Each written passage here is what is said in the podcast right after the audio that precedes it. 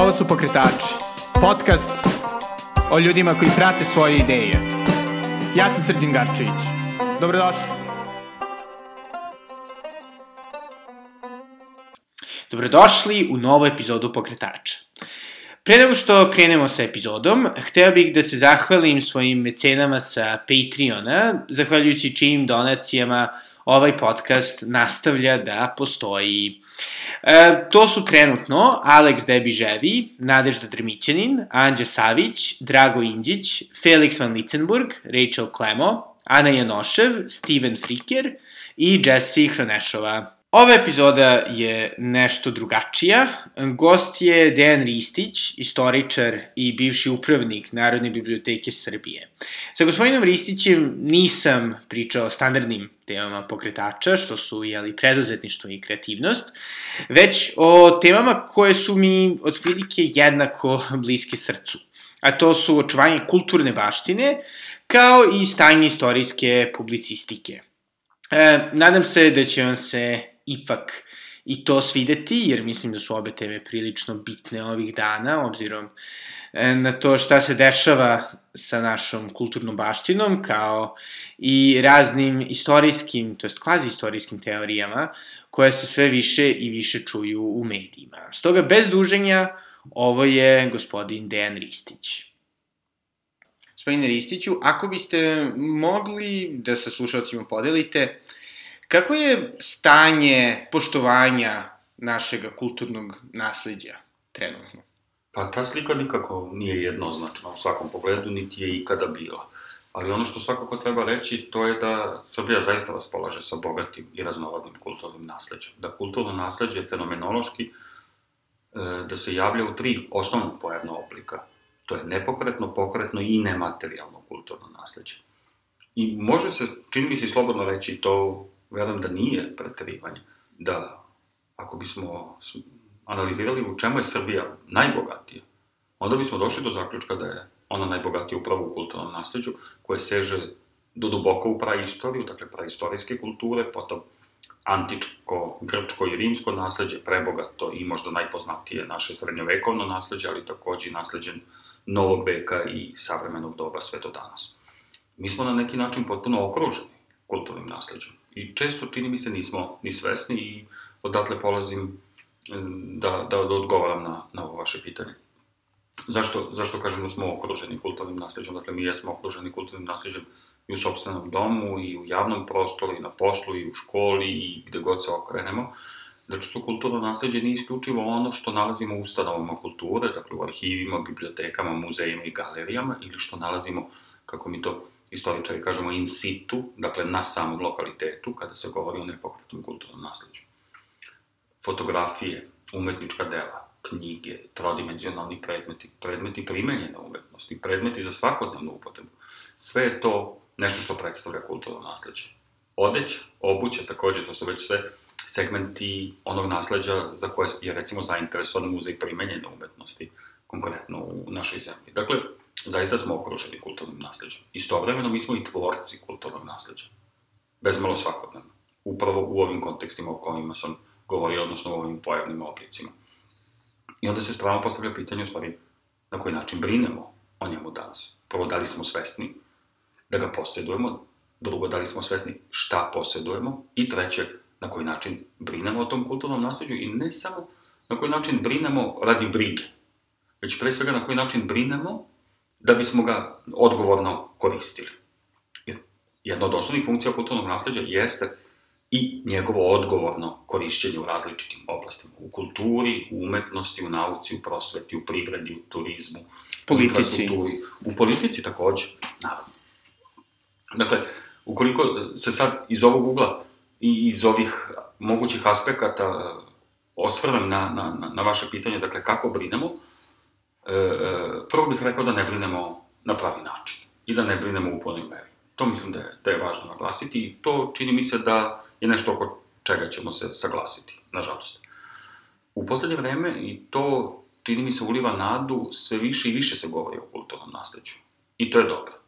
Dakle, to je taj prvi korak kako bismo spoznali čime raspolažemo i na koji način to treba da čuvamo.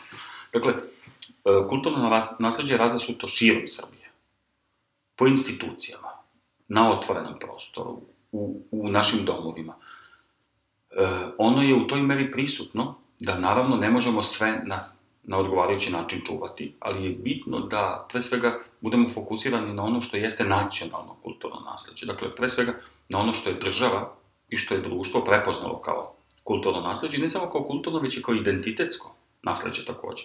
I tu treba, čini mi se, naglasiti jednu važnu komponentu kulturnog nasledđa, a to je da je ono zaista identitetsko. Dakle, vrlo konkretno. Kada govorimo recimo o našim srednjovekovnim bukopisima, oni govore o identitetu nacije u periodu srednjeg veka, kada govorimo o bogomolju iz istog perioda. Dakle, opet govore o identitetu, kulturi, umetnosti toga razdoblja kod Srba.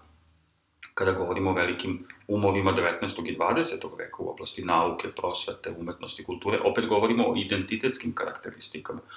Vrlo često smo spremni da se recimo sa našim zapadnim komšijama Hrvatima sporimo, jalo, sporimo oko toga čiji je Nikola Tesla, da li je Srbin ili Hrvate. Zašto se oko toga sporimo? Zato što u njegovoj zaostavštini, naučnoj i istorijskoj, u njegovom nasledđu, prepoznajemo i pitanje identiteta. Slično je sa, recimo, Vaskom Popom, sa, sa svim onim našim velikanima koji su rođeni izvan teritorije današnje Republike Srbije, na, na teritorijama nekih susednih država ili nekadašnjih carstava. Dakle, e, prvi uslov za odgovornu, sistematsku, stručnu, sveobuhvatnu brigu o kulturnom nasledđu jeste znanje. Dakle, prvo moramo da znamo šta imamo i onda moramo da znamo na koji način se konkretna kulturna dobra čuvaju. Ono što jeste dobro u našoj situaciji, to je što mi od prve polovine 19. veka imamo institucionalnu brigu o kulturnom nasledđu kroz osnivanje najznačajnijih ustanova kulture, pomenuo bih neke od tih najstarijih, najznačajnijih, najbogatijih i opet identitetskih institucija kulture, to je recimo na prvom mestu Matica Srpska, potom Narodna biblioteka Srbije, Narodni muzej u Beogradu, kasnije Republički zavod za zaštitu spomenika kulture, Arhiv Srbije takođe, koji je prošle godine obeležio 120 godina svog postojanja i čitav niz drugih institucija koje e, čine jednu veliku mrežu ustanova kulture u oblasti zaštite kulturnog nasleđa. Dakle, institucionalna osnova postoji. E, najveći problem je u prepoznavanju. Tu je suština. Sa druge strane, takođe jedan značajan problem, ne odlučujući, ali značajan, jeste izostanak logističke podrške. Institucijama kulture i stručnjacima koji rade u tim institucijama, pod logističkom podrškom podazujem pravni okvir, dakle, e, e, adekvatne, savremene pravne norme, sa druge strane podrazumevam e, finansijska sredstva, i sa treće strane jednu podršku društva u celini, odnosno svest društva u celini, da je to nešto što treba zajedno da čuvamo. Na koji način mislite da taj nedostatak logističke podrške najviše utiče na kulturno nasledđe? I eventualno koji smo mogli da date par primera. Pa evo, počet ću prvo sa primerima. I, e, e, kada govorimo recimo o Beogradu kao, kao, kao našoj predstavnici, Mi smo prethodnih meseci i godina, ali posebno meseci, nažalost, izgleda da se taj proces intenzivira, svedoci brojnih slučajeva e, planskog, svesnog uništavanja kulturnog nasleđa. Podsjetit ću na nekoliko slučaja. Dakle, zgrada Ikarusa u Zemunu, koja je zaista reprezentativno delo Art Decoa, koje je sravnjeno sa zemljom, bez bilo kakvog razloga i bez bilo kakvog opravdanja, niti mogućeg opravdanja. To se desilo prošle godine. Potom takođe, prošle godine našu javnost je zgrozila informacija da je jedna od najstarijih i najvrednijih lokomotiva u Srbiji, koja je činila, i nameno kažem činila, pošto više ne čini, deo zbirke Železničkog muzeja u Beogradu bila i sečena u delove, i to sečenje u delove je trajalo 15 dana. Dakle, grupa huligana je 15 dana potpuno mirno, bez bilo kakvog uznemiravanja u sred Beograda, sekla eksponat, i to ne bilo koji eksponat, naime u Evropi postoji svega dve lokomotive tog tipa, koje su učestvovale, i, odnosno koje su bile korišćene i u izgradnji, pored ostalog, Suetskog kanala. Jedna je u Francuskoj, druga je bila u Beogradu. Dakle, tu se radi o, o svetskoj kulturnoj baštini, a ne samo o našoj kulturnoj baštini. Potom, recimo, drugi slučaj koji je zaista bio frapantan i gde su građani burno reagovali i šteta je skoro potpuno otklonjena, a to je da je čuveni Vozarov krst, po kome jedan deo grada dobio naziv, to je Crveni krst, krajem prošle godine bio ofarban u crveno. Pazite, to je potpuna banalizacija. Dakle, taj krst je bio, on je načinjen od svetlo-crvenog veštačkog kamena, koji je vremenom izgubio svoju boju zbog toga što je izložen atmosferskim padavinama tokom čitavog niza decenija. I potpuno je banalno i nedopustivo da se sada uzme najobičnija farba i da se ona farba u jako crvenu boju. To nije prvo zaštita, to je zaista narušavanje autentičnosti kulturnog dobra. Tu je javnost reagovala, ne samo stručno, već i najšire, i to makom preko društvenih mreža, i tu je problem otklanjan, odnosno šteta sanirana, tako da je sada vozarav krst na crvenom krstu zaista u onom stanju u kakvom treba da bude. Ali se postavlja pitanje da li je javnost morala da reaguje, ja, da li je morala uopšte da dođe do toga. Još jedan primer koji je potpuno frapantan, koji se desio pre svega nekoliko nedelja, u toku je rekonstrukcija Trga Republike. U Beogradu opšte je poznato da se ispod jednog dela Trga Republike nalaze ostaci Stambol kapije. Ona je u više navrata otkopavana u prethodnim decenijama i vekovima i zatrpavana najvećim delom ili najčešće zbog toga što se smatralo ukletim mestom, zato što su Turci ispred nje nabijali na kolje e, srpske ustanike, odnosno sve one koji se nisu mirili sa turskom vlašću i okupacijom Beogradskog pašaluka, odnosno tadašnje Srbije. E, njeni temelji su ponovo izronili krajem prošle godine, tokom prve faze rekonstrukcije Trga Republike, i inicijalna odluka gradskih vlasti bila je da će, naravno, ti temelji biti sanirani i predstavljeni. Dakle, da li će biti neki stakleni pod, jel, ili nešto što će nama i, i, građanima i posetiocima Beograda omogućiti da, da vidimo temelje Stambul Kapi, međutim, na kraju se ispostavilo da je ona zatrpana. I ovaj put će verovatno opet proći čitav niz decenija pre nego što neke druge, mnogo odgovornije generacije prilikom rekonstrukcije Trga Republike budu poželele da sačuvaju i da učine vidljivim, vidljivim taj, taj značajan spomenik otomanskog nasleđa, ali i značajan spomenik naše nacionalne istorije. Dakle, to su samo neki od primera koje ovako navodim na prvu ruku koji su uznemirili javnost i koji govore o nedovoljnoj svesti, o nedovoljnom znanju i na kraju krajeva ono što mene kao, kao građanina, kao Srbina i na kraju kao istoričar, ali pre svega kao građanina i kao Srbina najviše brine, a to je naša spremnost da uništavamo sobstveno kulturno nasledđe. Znate, time što je ona zatrpana, ona je uništena. Ne treba imati nikakvu dilemu. Ja, preko nje je prešlo nekoliko tona asfalta, nekoliko tona kamena u različitom obliku i težine i naravno ogromna količina asfalta. Govorimo o ostacima Stambol kapije. Dakle, ta spremnost da uništavamo sobstveno kulturno nasledđe, e, izostanak participativnosti, dakle, e, u poslednje vreme kod nas se primećuje jedan veoma negativan trend, a to je da se odluke u vezi sa sudbinom kulturnog nasleđa kod nas donose bez bilo kakvog učešća građana. Dakle, mi smo tu potpuno amputirani od bilo kakvog učešća. Građane niko nije pitao da li žele da Stambul kapi, odnosno njeni ostaci, budu očuvani i prezentovani ili zatrpani.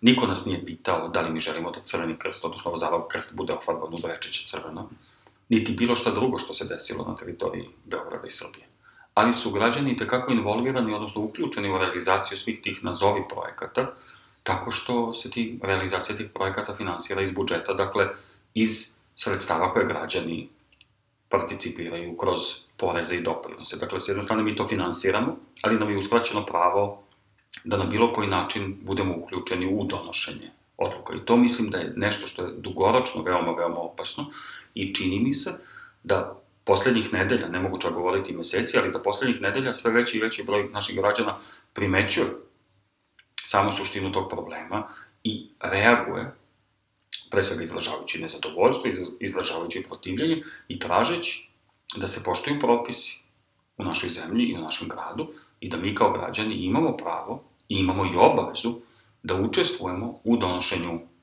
u donošenju nekih važnih odluka za život i naše grada i naše republike.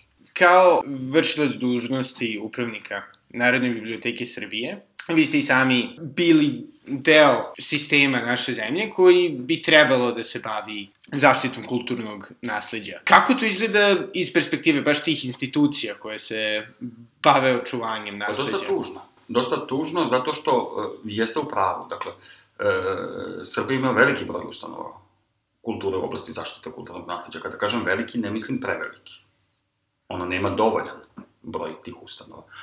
Ali te, sve te ustanove su u državnom vlasništvu, dakle njima je osnivač Republika Srbija, pokrajina ili lokalna samouprava i one se finansiraju isključivo iz budžeta svojih osnivača. ukoliko vam kažem da, da nacionalne ustanove kulture ne dobijaju ni približno dovoljno novca za svoj redovan rad, e, neću vam reći ništa novo. Dakle, problem je, u, kad, zato sam na početku i rekao da je jedan od bitnih problema izostanak logističke podrške. Dakle, mi imamo čitav niz oblasti gde ne postoje zakonski propisi. Srbija nema zakon o arhivima. Pazite, nemamo zakon o arhivima. Mi nemamo zakon o muzejima. Mi nemamo zakon o pozorištu. E, e, e, dakle, pre svega naš pravni okvir je hendikepiran, i to značajno hendikepiran. Sa druge strane, ta logistička podrška je izostala. I ona izostaje u čitavom nizu decenija. Dakle, ovde se ne radi o tome da je sada došlo do nekakvog pada i do nekog sunovrata, da je prethodno doba bilo zlatno doba. Naprotiv. Poslednjih 20-30 godina, dakle, od kraja 80-ih i početka 90-ih, dakle, od onog razdoblja e, ratova za jugoslovensko nasledđe, pa do danas mi beležimo jednu ozbiljnu regresiju u odnosu države i društva prema kulturi i kulturnom nasledđu. Namjerno naglašam države i društva. Nešto smo mi vrlo spremni da optužimo državu za sve ono što ne valja, kao da je to neko virtualno telo, kao da je NLO, a država smo mi. I zato naglašavam pre svega ulogu društva u tome. E, e zašto to? Evo, daću vam vrlo konkretan primer. E, e, Narodna biblioteka Srbije je nacionalna biblioteka ove zemlje. Osnovana 1838. godine, dakle, pre više od 180 godina i to osnovano u periodu kada je Srbija bila vazalna, dakle kada nije bila nezavisna država, što znači da je starija od svoje sobstvene države ukoliko e, uzmemo u, u obzir činjenicu da je Srbija postala nezavisna i međunarodno priznata država 1878. Dakle, Narodna biblioteka Srbije osnovana je 40 godina pre nego što je njena domovina postala nezavisna. E, to je jedina depozitna biblioteka u zemlji, što znači da sve ono što nastaje na teritoriji Republike Srbije, na papiru, i na elektronskim nosačima slike i zvuka biva pohranjeno u Narodnoj biblioteci Srbije, ali takođe idealno je, ali se to ne uspeva, i sve ono što nastaje širom sveta, a tiče se Srbije, naših građana, naše istorije, kulture, nauke, prosvete, privrede, umetnosti, politike i bilo čega. Narodna biblioteka Srbije, kao i svaka druga nacionalna biblioteka u svetu, vrši e, međunarodnu razmenu publikacija u ime svoje zemlje. U ovom trenutku sa više od 230 nacionalnih univerzitetskih biblioteka u svetu, e, seminarima za srpski jezik i književnost, lektoratima za naš jezik i bibliotekama Srba u dijaspori, u više od 70 zemalja sveta. U vreme dok sam ja bio upravnik Narodne biblioteke Srbije, Narodna biblioteka Srbije je za tu potrebu svake godine dobijala milioni 700 hiljada dinara. Dakle, za kupovinu knjiga i za poštarinu. A onda kada znate da su knjige kao za baksus teške, onda najveći deo tog novca je išao na poštarinu. Pa je Narodna biblioteka Srbije uspevala da za taj novac kupi nekoliko hiljada knjiga, pa kad to podelite sa 230 adresa, vi dobijete da na svaku adresu ode po svega nekoliko knjiga godišnje. Za razliku od drugih zemalja, čak i zemalja koje su nekada pripadale Jugoslaviji, poput recimo Hrvatske ili Slovenije, koje ulažu znatno veće sredstva kako bi na pravi način bile predstavljene u najvažnijim svetskim centrima. E, dakle, e, kultura nije skupa. E, ekonomisti će reći da je najisplativije ulaganje upravo ulaganje u kulturu, ali je neophodno ulaganje i kontinuirano ulaganje. Dakle, ovde se radi o izostanku logističke podrške. Pre svega, mi raspolažemo vrhunskim stručnjacima ali nedovoljnog broja u institucijama kulture, posebno u prethodnih nekoliko godina od kada postoji zabrana zapošljavanja. Dakle, institucije kulture ne mogu da, da primaju nove, mlade, stručne ljude, e, ljudi koji već rade, sa jedne strane odlaze u penziju, sa druge strane odlaze na neka bolje plaćena radna mesta u zemlji ili inostranstvu i taj broj drastično pada. A sa druge strane, kažem, sprečeno je novo zapošljavanje i to traje već čitavih pet godina. To je desetkovalo institucije kulture. Sa druge strane, ta finansijska podrška države je više nego skromna. Dakle, to je kao kada držite ozbiljno bolesnu osobu na infuziji. I održavate tako godinama na toj infuziji i smatrate da je to sasvim dovoljno, dovoljno i dobro i da to tako prosto treba da bude. Dakle, niko se ne drži na infuziji ukoliko želite da ta osoba ozdravi, dakle neophodno je dati odgovarajuće medikamente i tu osobu dići na noge. Kada je kultura u pitanju, dakle, sa jedne strane neophodno je obezbediti odgovarajuća finansijska sredstva i tu dajem još jedan podatak koji je za nas, nažalost, sramotan, a to je da Srbija ima naj, najmanji udeo kulture u nacionalnom budžetu, odnosno na bilo koju drugu evropsku zemlju. Dakle, mi smo apsolutno na dnu Evrope.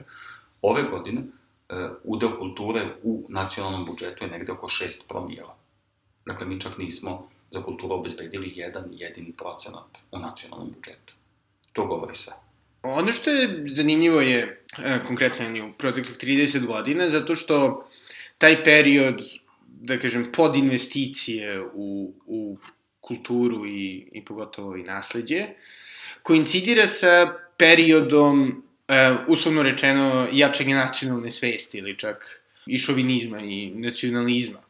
Da li vidite tu neku spregu? Mislim, pošto to deluje prilično absurdno to ima i tekako logike. Dakle, i to je na kraju krajeva istorijska činjenica. Mi smo 90. godina živeli, kad kažem mi, mislim na područje čitave bivše domovine, dakle, Jugoslavije, živeli u jednom, proživeli smo jednu erupciju nacionalizama i šovinizama.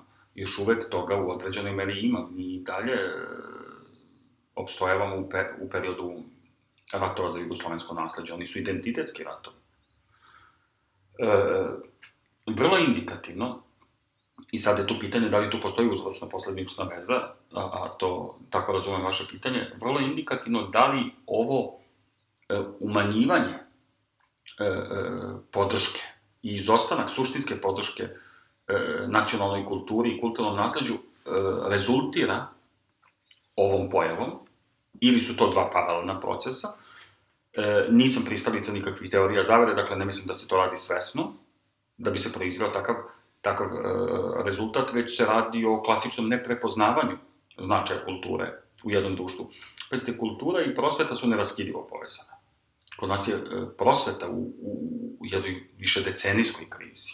Nama je prosvetni sistem bezmalo nepostojići, on postoji formalno, ali suštinski iz srpskog jezika se izgubila reč učitelj e, mi kao roditelji insistiramo isključivo na peticama, ne insistiramo na znanju kod, kod đaka. Srbija ima hiperprodukciju Vukovaca, što, priznaćete, nije normalno. Dakle, e, mi smo sa urušavanjem sistema u oblasti kulture istovremeno urušavali prosvetni sistem, a onda se to reflektovalo i na nauku i na umetnost, dakle one fundamente, one temelje jednog društva. Mi smo dobrim delom sami, sami uništavali u jednom dugom vremenskom periodu i sada u stvari polako ubiramo plodove, pod znacima navoda, tog, tog nipodaštavajućeg, negativnog, destruktivnog odnosa. I sad to polako počinje da izlazi na svetlo dana, e, počinje da se pojavljuje i sada smo iznenađeni. Vrlo često ćete čuti pitanje kod ljudi najdobro na meni, pa čekajte, šta se ovo dešava, pa zašto se ovo dešava, pa zašto se mi tako odnosimo prema kulturi ili zašto se odnosimo tako prema kulturnom nasledđu a onda kada zagrebete malo ispod površine vidite da je to u stvari rezultat jednog više decenijskog procesa koji svakako treba da bude zaustavljen, ali možemo da ga zaustavimo isključivo kroz znanje.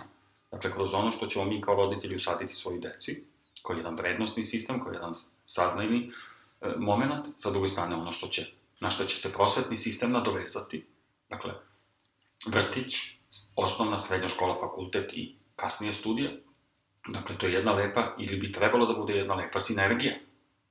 I onda nećemo uh, viđati primere da, recimo, mladi ljudi sprejom žvrljaju spomenike, ili da ih devastiraju, ili da, da, da, da rade sve ono nedolično što sve češće i češće rade, ili da, da ih u, u toj meri narušavaju, da recimo otkidaju metalne delove sa spomenika zato što je to izvor sekundarnih sirovina ili da odnose čitave spomenike i jedinice kulturnog nasleđa. Dakle, opet se vraćam i sve vreme se vrtimo oko tog znanja.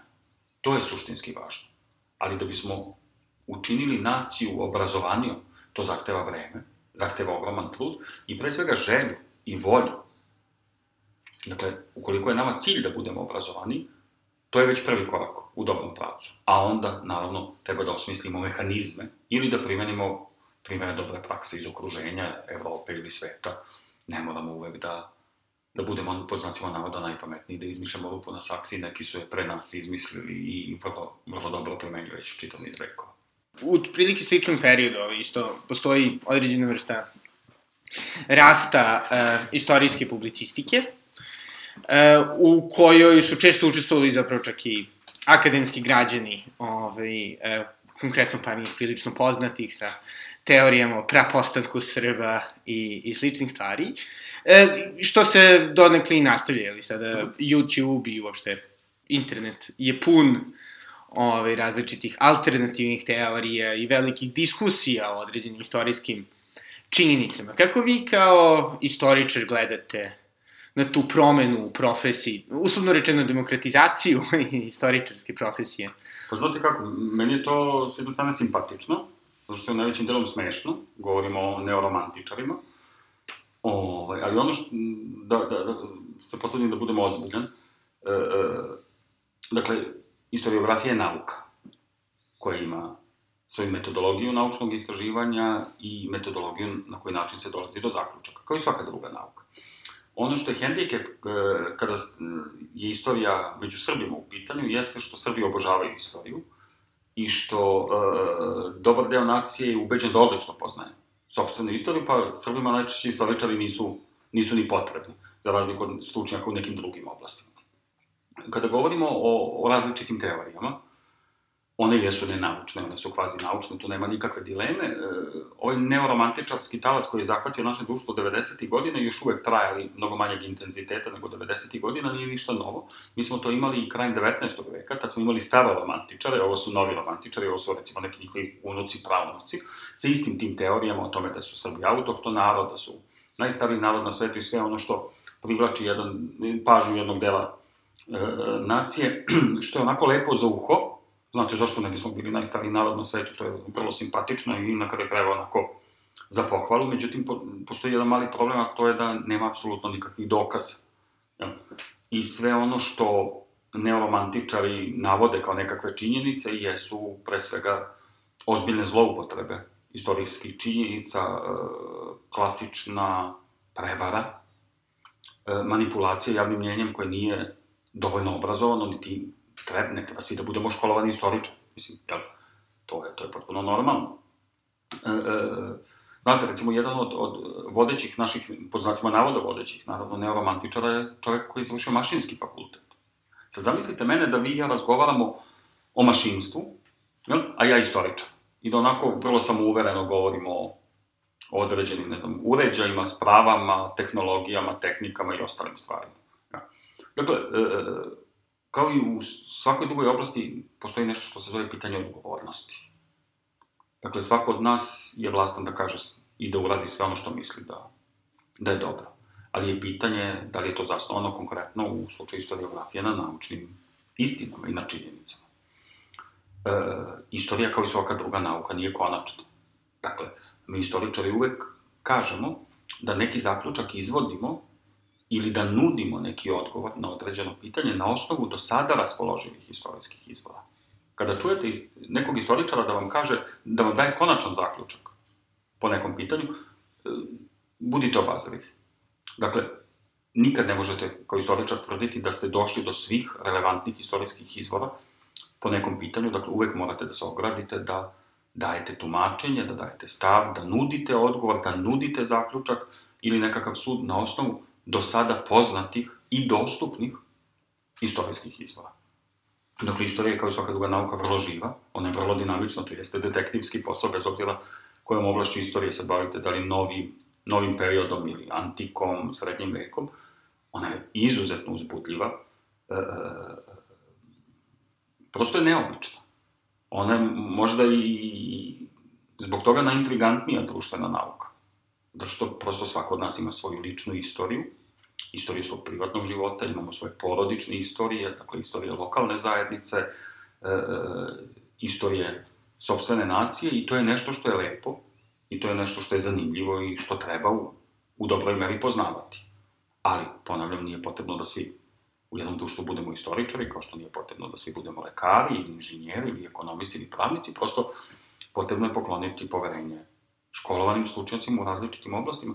To je isto, evo dajem primjer, setimo se prošle i pretprošle godine, jednog velikog trenda e, e, ili jedne velike kampanje protiv vakcinisanja deca.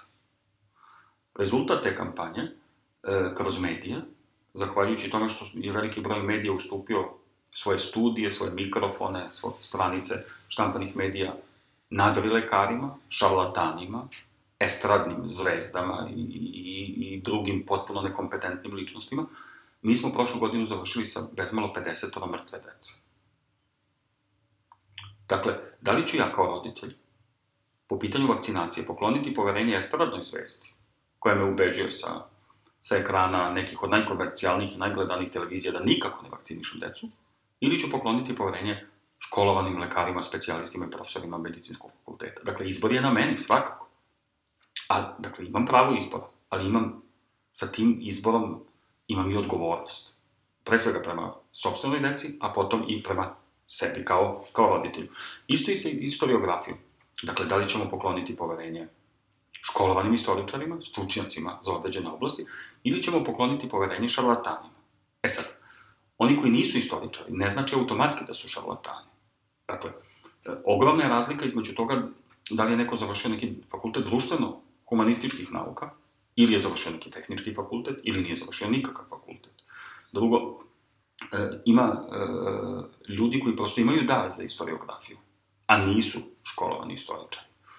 E, publicistika sama po sebi u historiografiji ne mora da bude loša. Posebno ukoliko je publicista, pre svega, osoba sa određenim kvantumom znanja i obrazovanja, sa druge strane, neko ko je ovladao makar osnovnim metodama naučnog istraživanja u, u oblasti historiografije.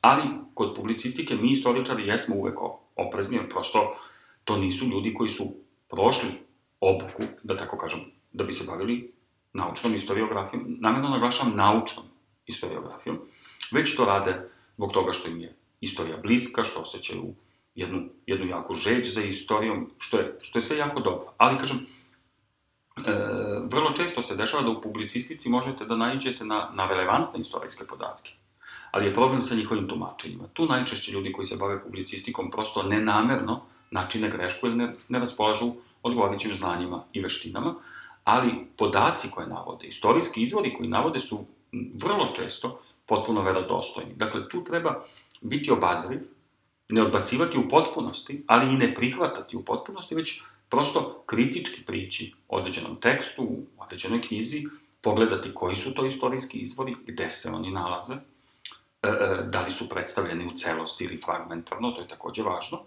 i sa druge strane, ko je autor određenog teksta, dakle, da li je školovani istoričar, da li je publicista, da li je neki zaljubljenik u istoriju i koji su, koji su motivi. Nama su profesori na fakultetu a ja sam završio istoriju na Beogradskom univerzitetu, dakle na filozofskom fakultetu, vrlo često govorili, bez obzira na to da li su predavali antičku, srednjovekovnu, novovekovnu ili savremenu istoriju, kolege, štedite svoje vreme, nemojte ga rasipati, čitajte kvalitetnu literaturu, nemojte čitati sve. I onda smo mi njih, naravno, pitali, pa dobro, ali kako ćemo mi znati šta je kvalitetna literatura? I onda su nam oni davali neke vrlo praktične i jednostavne savete koje, evo, koristim priliku i da podelim sa vama, a to je, stalno su nam govorili, Dakle, kada uzmete knjigu u ruku, prvo pogledajte biografiju autora. Potom pogledajte bibliografiju, dakle korišćenu literaturu, pogledajte popis istorijskih izvora i pogledajte da li ta knjiga ima kritički, odnosno naučni aparat, odnosno žargonski napomene i fusnote. Ukoliko to knjiga sve ima, dakle ima biografiju autora, iz koje se vidi da je on relevantan istraživač, ukoliko ima bibliografiju, dakle spisak litera, korišćene literature, spisak korišćenih izvora i naučni aparat, onda možete u dobroj veri, u dobroj veri pokloniti poverenje tom, tom autoru i delu koje se nalazi pred vama. Dakle, to su nek, čak bih rekao i neke zanatske stvari u historiografiji. I to, to steknete i kroz studiranje, i kroz kasnije obrazovanje na, na e, master, odnosno kako se nekad zvalo, magistarskim i doktorskim studijama i postdoktorskim studijama. Dakle, to su neke potpuno uobičajene stvari za, za, za nas istoričari i nešto zanatski. To je prvo, to je refleks, kako uzmete knjigu u ruku, prvo idete od pozadi. Prvo gledate ko je autor, ako, ako vam nije poznat, pogledate ovo što sam naveo da, da ne ponavljam i onda se upuštate u, u čitanje tog dela. Da, a šta biste recimo vi voleli kao istoričar da vidite sa strane medija ili da kažem šire ovaj, e, javnosti i uopšte društva u sprečavanju, da kažem, promocije takvih nadri istorijskih narativa. A pazite, to je jako teško. Mislim, e, e, nisam pristalica sprečavanja bilo čega. Dakle, nisam pristalica bilo kakvog limitiranja ili ograničavanja bilo čega. To je isto kao kada bismo, recimo, govorili o muzičkom ukusu nacije, pa sada e, nekim dekretom poukidali sve komercijalne televizije gde se, gde, sa kojih se emituje ili na kojima se emituje ovaj najgori šund, e, koji čak i ne spada u muziku, ne znam u što spada, ali... Dakle, opet se vraćam na znanje. I na razvijanje kulturnih potreba, na razvijanje obrazovnih potreba, i na jednu demokratičnost. Dakle, ne treba nikoga sprečavati. Ali sa druge strane, ponavljam, svako pravo, kao drugu stranu ogledala, ima odgovornost. Dakle, ukoliko se ja sada bavim medicinom kao istoričar, ja imam odgovornost zato što ću e, izazvati ogromnu štetu na zdravlje pojedinca, neke grupe ili čitave, čitave populacije, ukoliko ona prihvati moje stavove, moje, moje recepte, medikamente i moje metode lečenja. Dakle, ponavljam, zašto mi je to bitno? E, mi, istoričari, jesmo ljudi nekog prošlog vremena, ali e, nismo autoritarni. Dakle, nama je bitno da, da, da naučna historiografija bude prihvaćena u društvu na način na koji treba da pri, bude prihvaćena svaka druga nauka. Sa druge strane, e, veoma je važan dijalog u vezi sa temama iz istorije, ali u, ponavljam, i to je ono suština, dijalog zasnovan na činjenicama. Bez obzira ko ih prezentuje. Da li ih prezentuje školovani istoričar ili ih prezentuje neko ko nije školovani istoričar. Dakle, mi istoričari nemamo ekskluzivitet i ne treba da ga imamo. Ali e, svakako jesmo pozvani, zbog toga što smo prošli odgovarajuće škole, da se pre svega mi bavimo naučnom kritičkom istoriografijom, što ne isključuje da i svi ostali građani, naravno, u, u, u skladu sa svojim interesovanjima, željama, se na ovaj ili onaj način bave istoriografijom, da li kao konzumenti, dakle kao čitaoci, gledaoci, slušaoci, posetioci, ili prosto da krenu neka svoja mala istraživanja, zašto da ne? Jel? Nikad ne znate šta ćete otkriti i, i dešavalo se kroz istoriju da su neka od velikih otkrića, ma, više u arheologiji nego u istoriji, moram da se ogradim, ali svejedno, ovaj, da su do nekih velikih otkrića dolazili ljudi koji nisu bili, recimo, školovani arheolozi. Troju je otkrio Šliman, a on nije bio arheolog. Bio veliki zaljubljenik u arheologiju, ali se obrazovao. On se tokom celog života obrazovao, čitao, e, komunicirao sa naučnicima, upio znanje od njih, trudio se da, da savladate e, metodologiju naučnog istraživanja i na kraju mu je počeo za rukom da, da nađe troju, što nije počeo za rukom ono vremenim školovanim arheolozima. Dakle, e, demokratičnost je bitna sve do onog momenta dok ne narušava i ne negira naučne činjenice. Dakle, tu onda nema demokratije. Znate, mi ne možemo da kažemo da dan traje 500 dana, da godina traje 500 dana. Dakle, ne traje. To nije pitanje demokratičnosti. To je pitanje naučne istine. Dakle, ona traje 365 dana, jel, i koliko sati i minuta. Dakle, tu je bitno da ono što jeste naučna istina bude opšte prihvaćeno, a da ono što još uvek jeste predmet našeg interesovanja, bude zaista predmet našeg interesovanja, zajedničkog, ali zasnovanog na činjenicama, a ne na našim željama. Dakle, ne mogu ja kao, kao istoričar da prvo definišem zaključak, a da onda analiziram istorijske izvore na takav način da me vode do tog zaključka. Mogu. Ja mogu takve zaključke da izvedem, ali one nisu istorijske istine, one nisu naučne istine. To je zloupotreba nauke.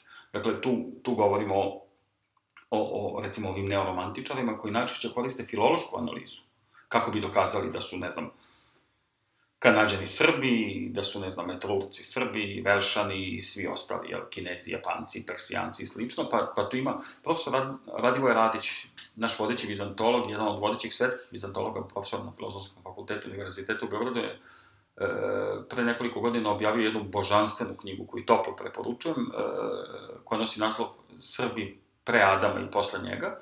I on je prosto prikupio sve te teorije koje su bile aktuelne od 90. godina do danas i prosto svaku naučno pobio. Pa ću ja dati jedan primer, ima toliko simpatičnih primera. Jedan je recimo zašto su Kanadžani Srbi, jedna od kanadskih provincija je Manitoba. I logično je da je da su Kanadjani Srbi, zato što su Kanadu očigledno osnovali Srbi iz Bosne, jedna od osnovnih uzrečica u, među na, našim sunarodnicima u Bosni je Manitoba. I to je vremenom spojeno u jednu reč i to je potpuno logično da, da su Kanadjani Srbi, što drugo mogu da budu. Jel? I takvih primera ima koliko god hoćete i to jeste simpatično za nas koji se bavimo naučnom historiografijom, ali ja kažem, profesor Radić uložio jedan ogroman napor da prikupi sve te teorije koje su bile aktuelne i još uvek su aktuelne u prethodnih nekoliko decenija i da, da ih vrlo jednostavno naučno pobije.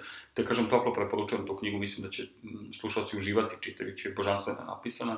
Radivoje Radić, Srbi pre Adama i posle njega. Bilo je nekoliko izdanja, može se naći u, i u knjižarama i u bibliotekama. Što je ovaj najtužnije, verovatno, ovaj, odmah tik uz Naravno, e, naravno. Ovaj, popularno, e, to je ta demokratičnost o kojoj govorimo, dakle, ne smemo bilo kome uskratiti pravo na bilo šta. Ali, ponavljam, pitanje odgovornosti. Dakle, ja, kao čitalac, samim izborom, dakle, kada uđem u knjižaru i pred sobom imam onaj pult sa, sa knjigama iz historiografije, vi ste lepo primetili, tu će biti i knjige iz naučne historiografije, ali će biti knjige iz publicistike, bit će i knjige koje kakvi šarlatana. Dakle, činjenicom da ću se ja opredeliti za jednu, a ne za drugu, ja pravim izbor, na koji apsolutno imam pravo. Ali time ovaj, činim i, i, i odgovornost.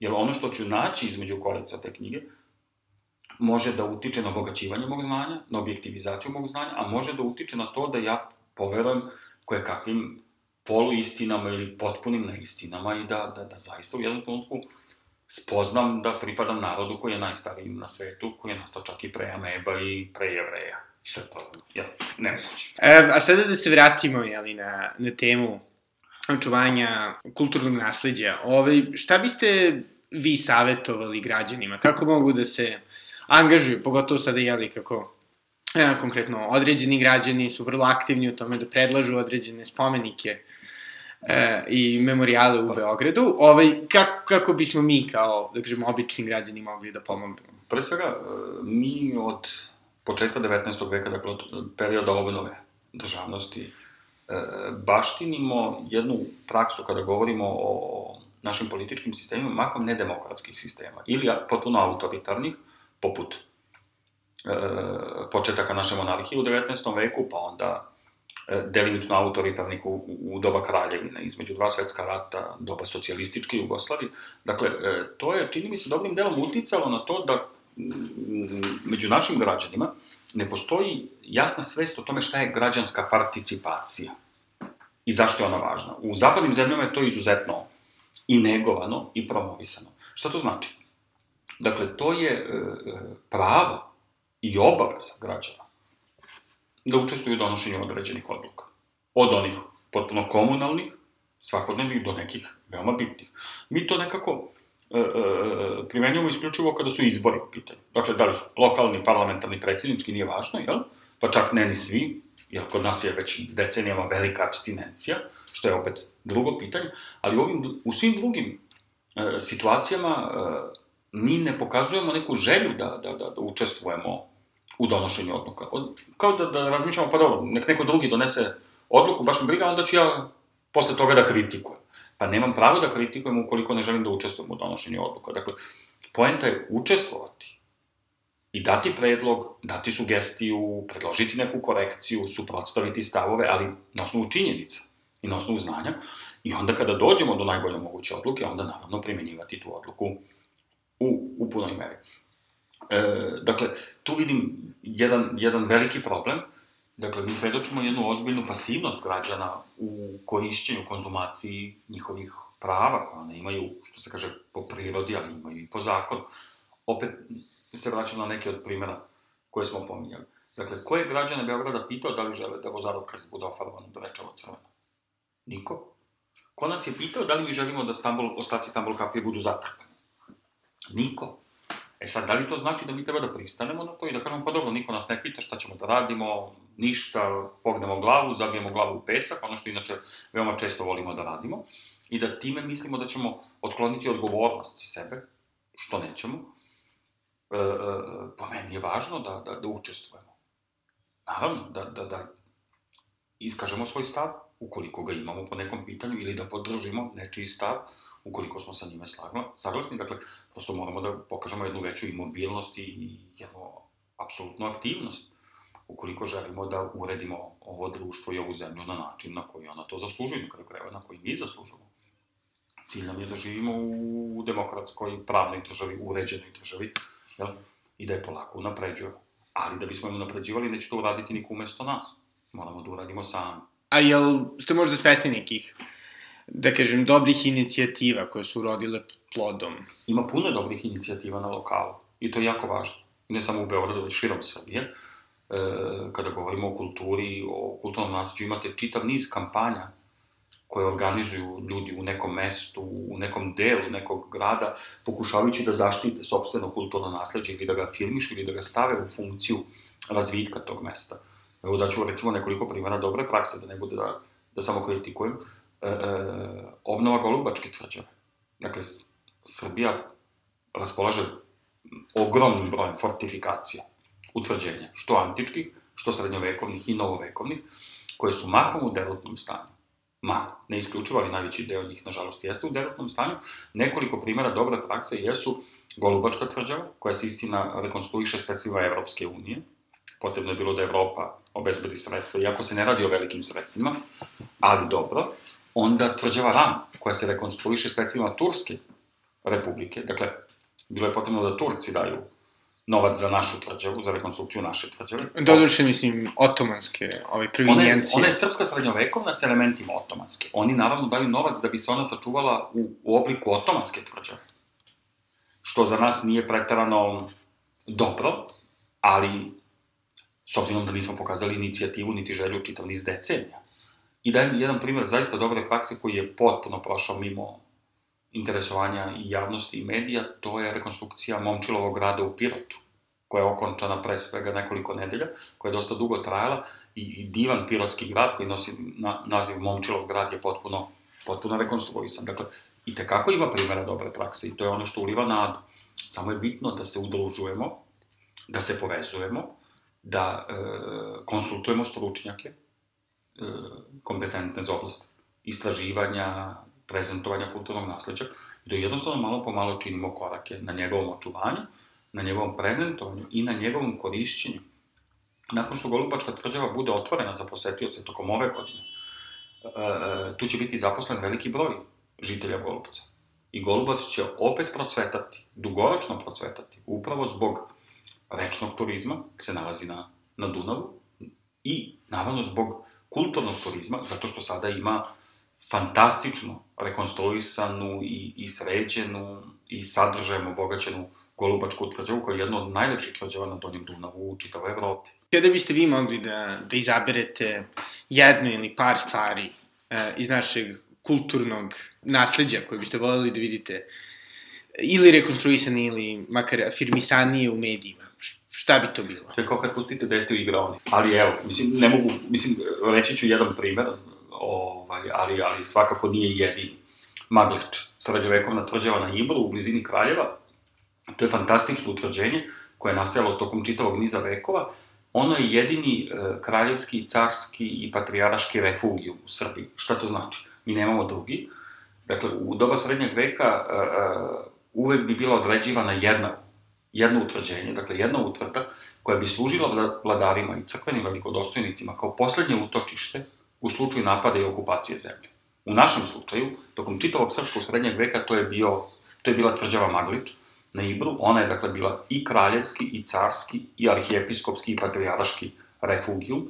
Nju su obnavljali, doziđivali i obogaćivali i kraljevi, i carevi, i arhijepiskopi, i patrijarsi, možda u najvećoj meri jedan od, od jedna od najznačajnijih ličnosti srpskog srednjeg veka, i ne samo srpskog srednjeg veka, već čitave nacionalne istorije i kulture, to je arhijepiskop Danilo II. Pećki, koji je bio arhijepiskop srpski u vreme kraljeva Milutina, Stefana Tečanskog i kralja Dušana, nije doživeo Dušanovo proglašenje za cara, jedan od e, najvećih intelektualaca koje smo mi ikada imali, on je kanonizovan od strane Srpske pravoslavne crkve i praznuje se kao sveti Danilo Srpski, inače je u pitanju Danilo II, arhijepiskop srpski, možda i najdostojniji i najveći naslednik Svetog Save na mestu arhijepiskopa i patrijarha. On je e, bio veliki diplomata, veliki državnik, intelektualac, književnik, istoričar, graditelj, e, e, podigao jedan deo kompleksa Pečke patrijaršije gde i počivao u jednom divnom sarkofagu,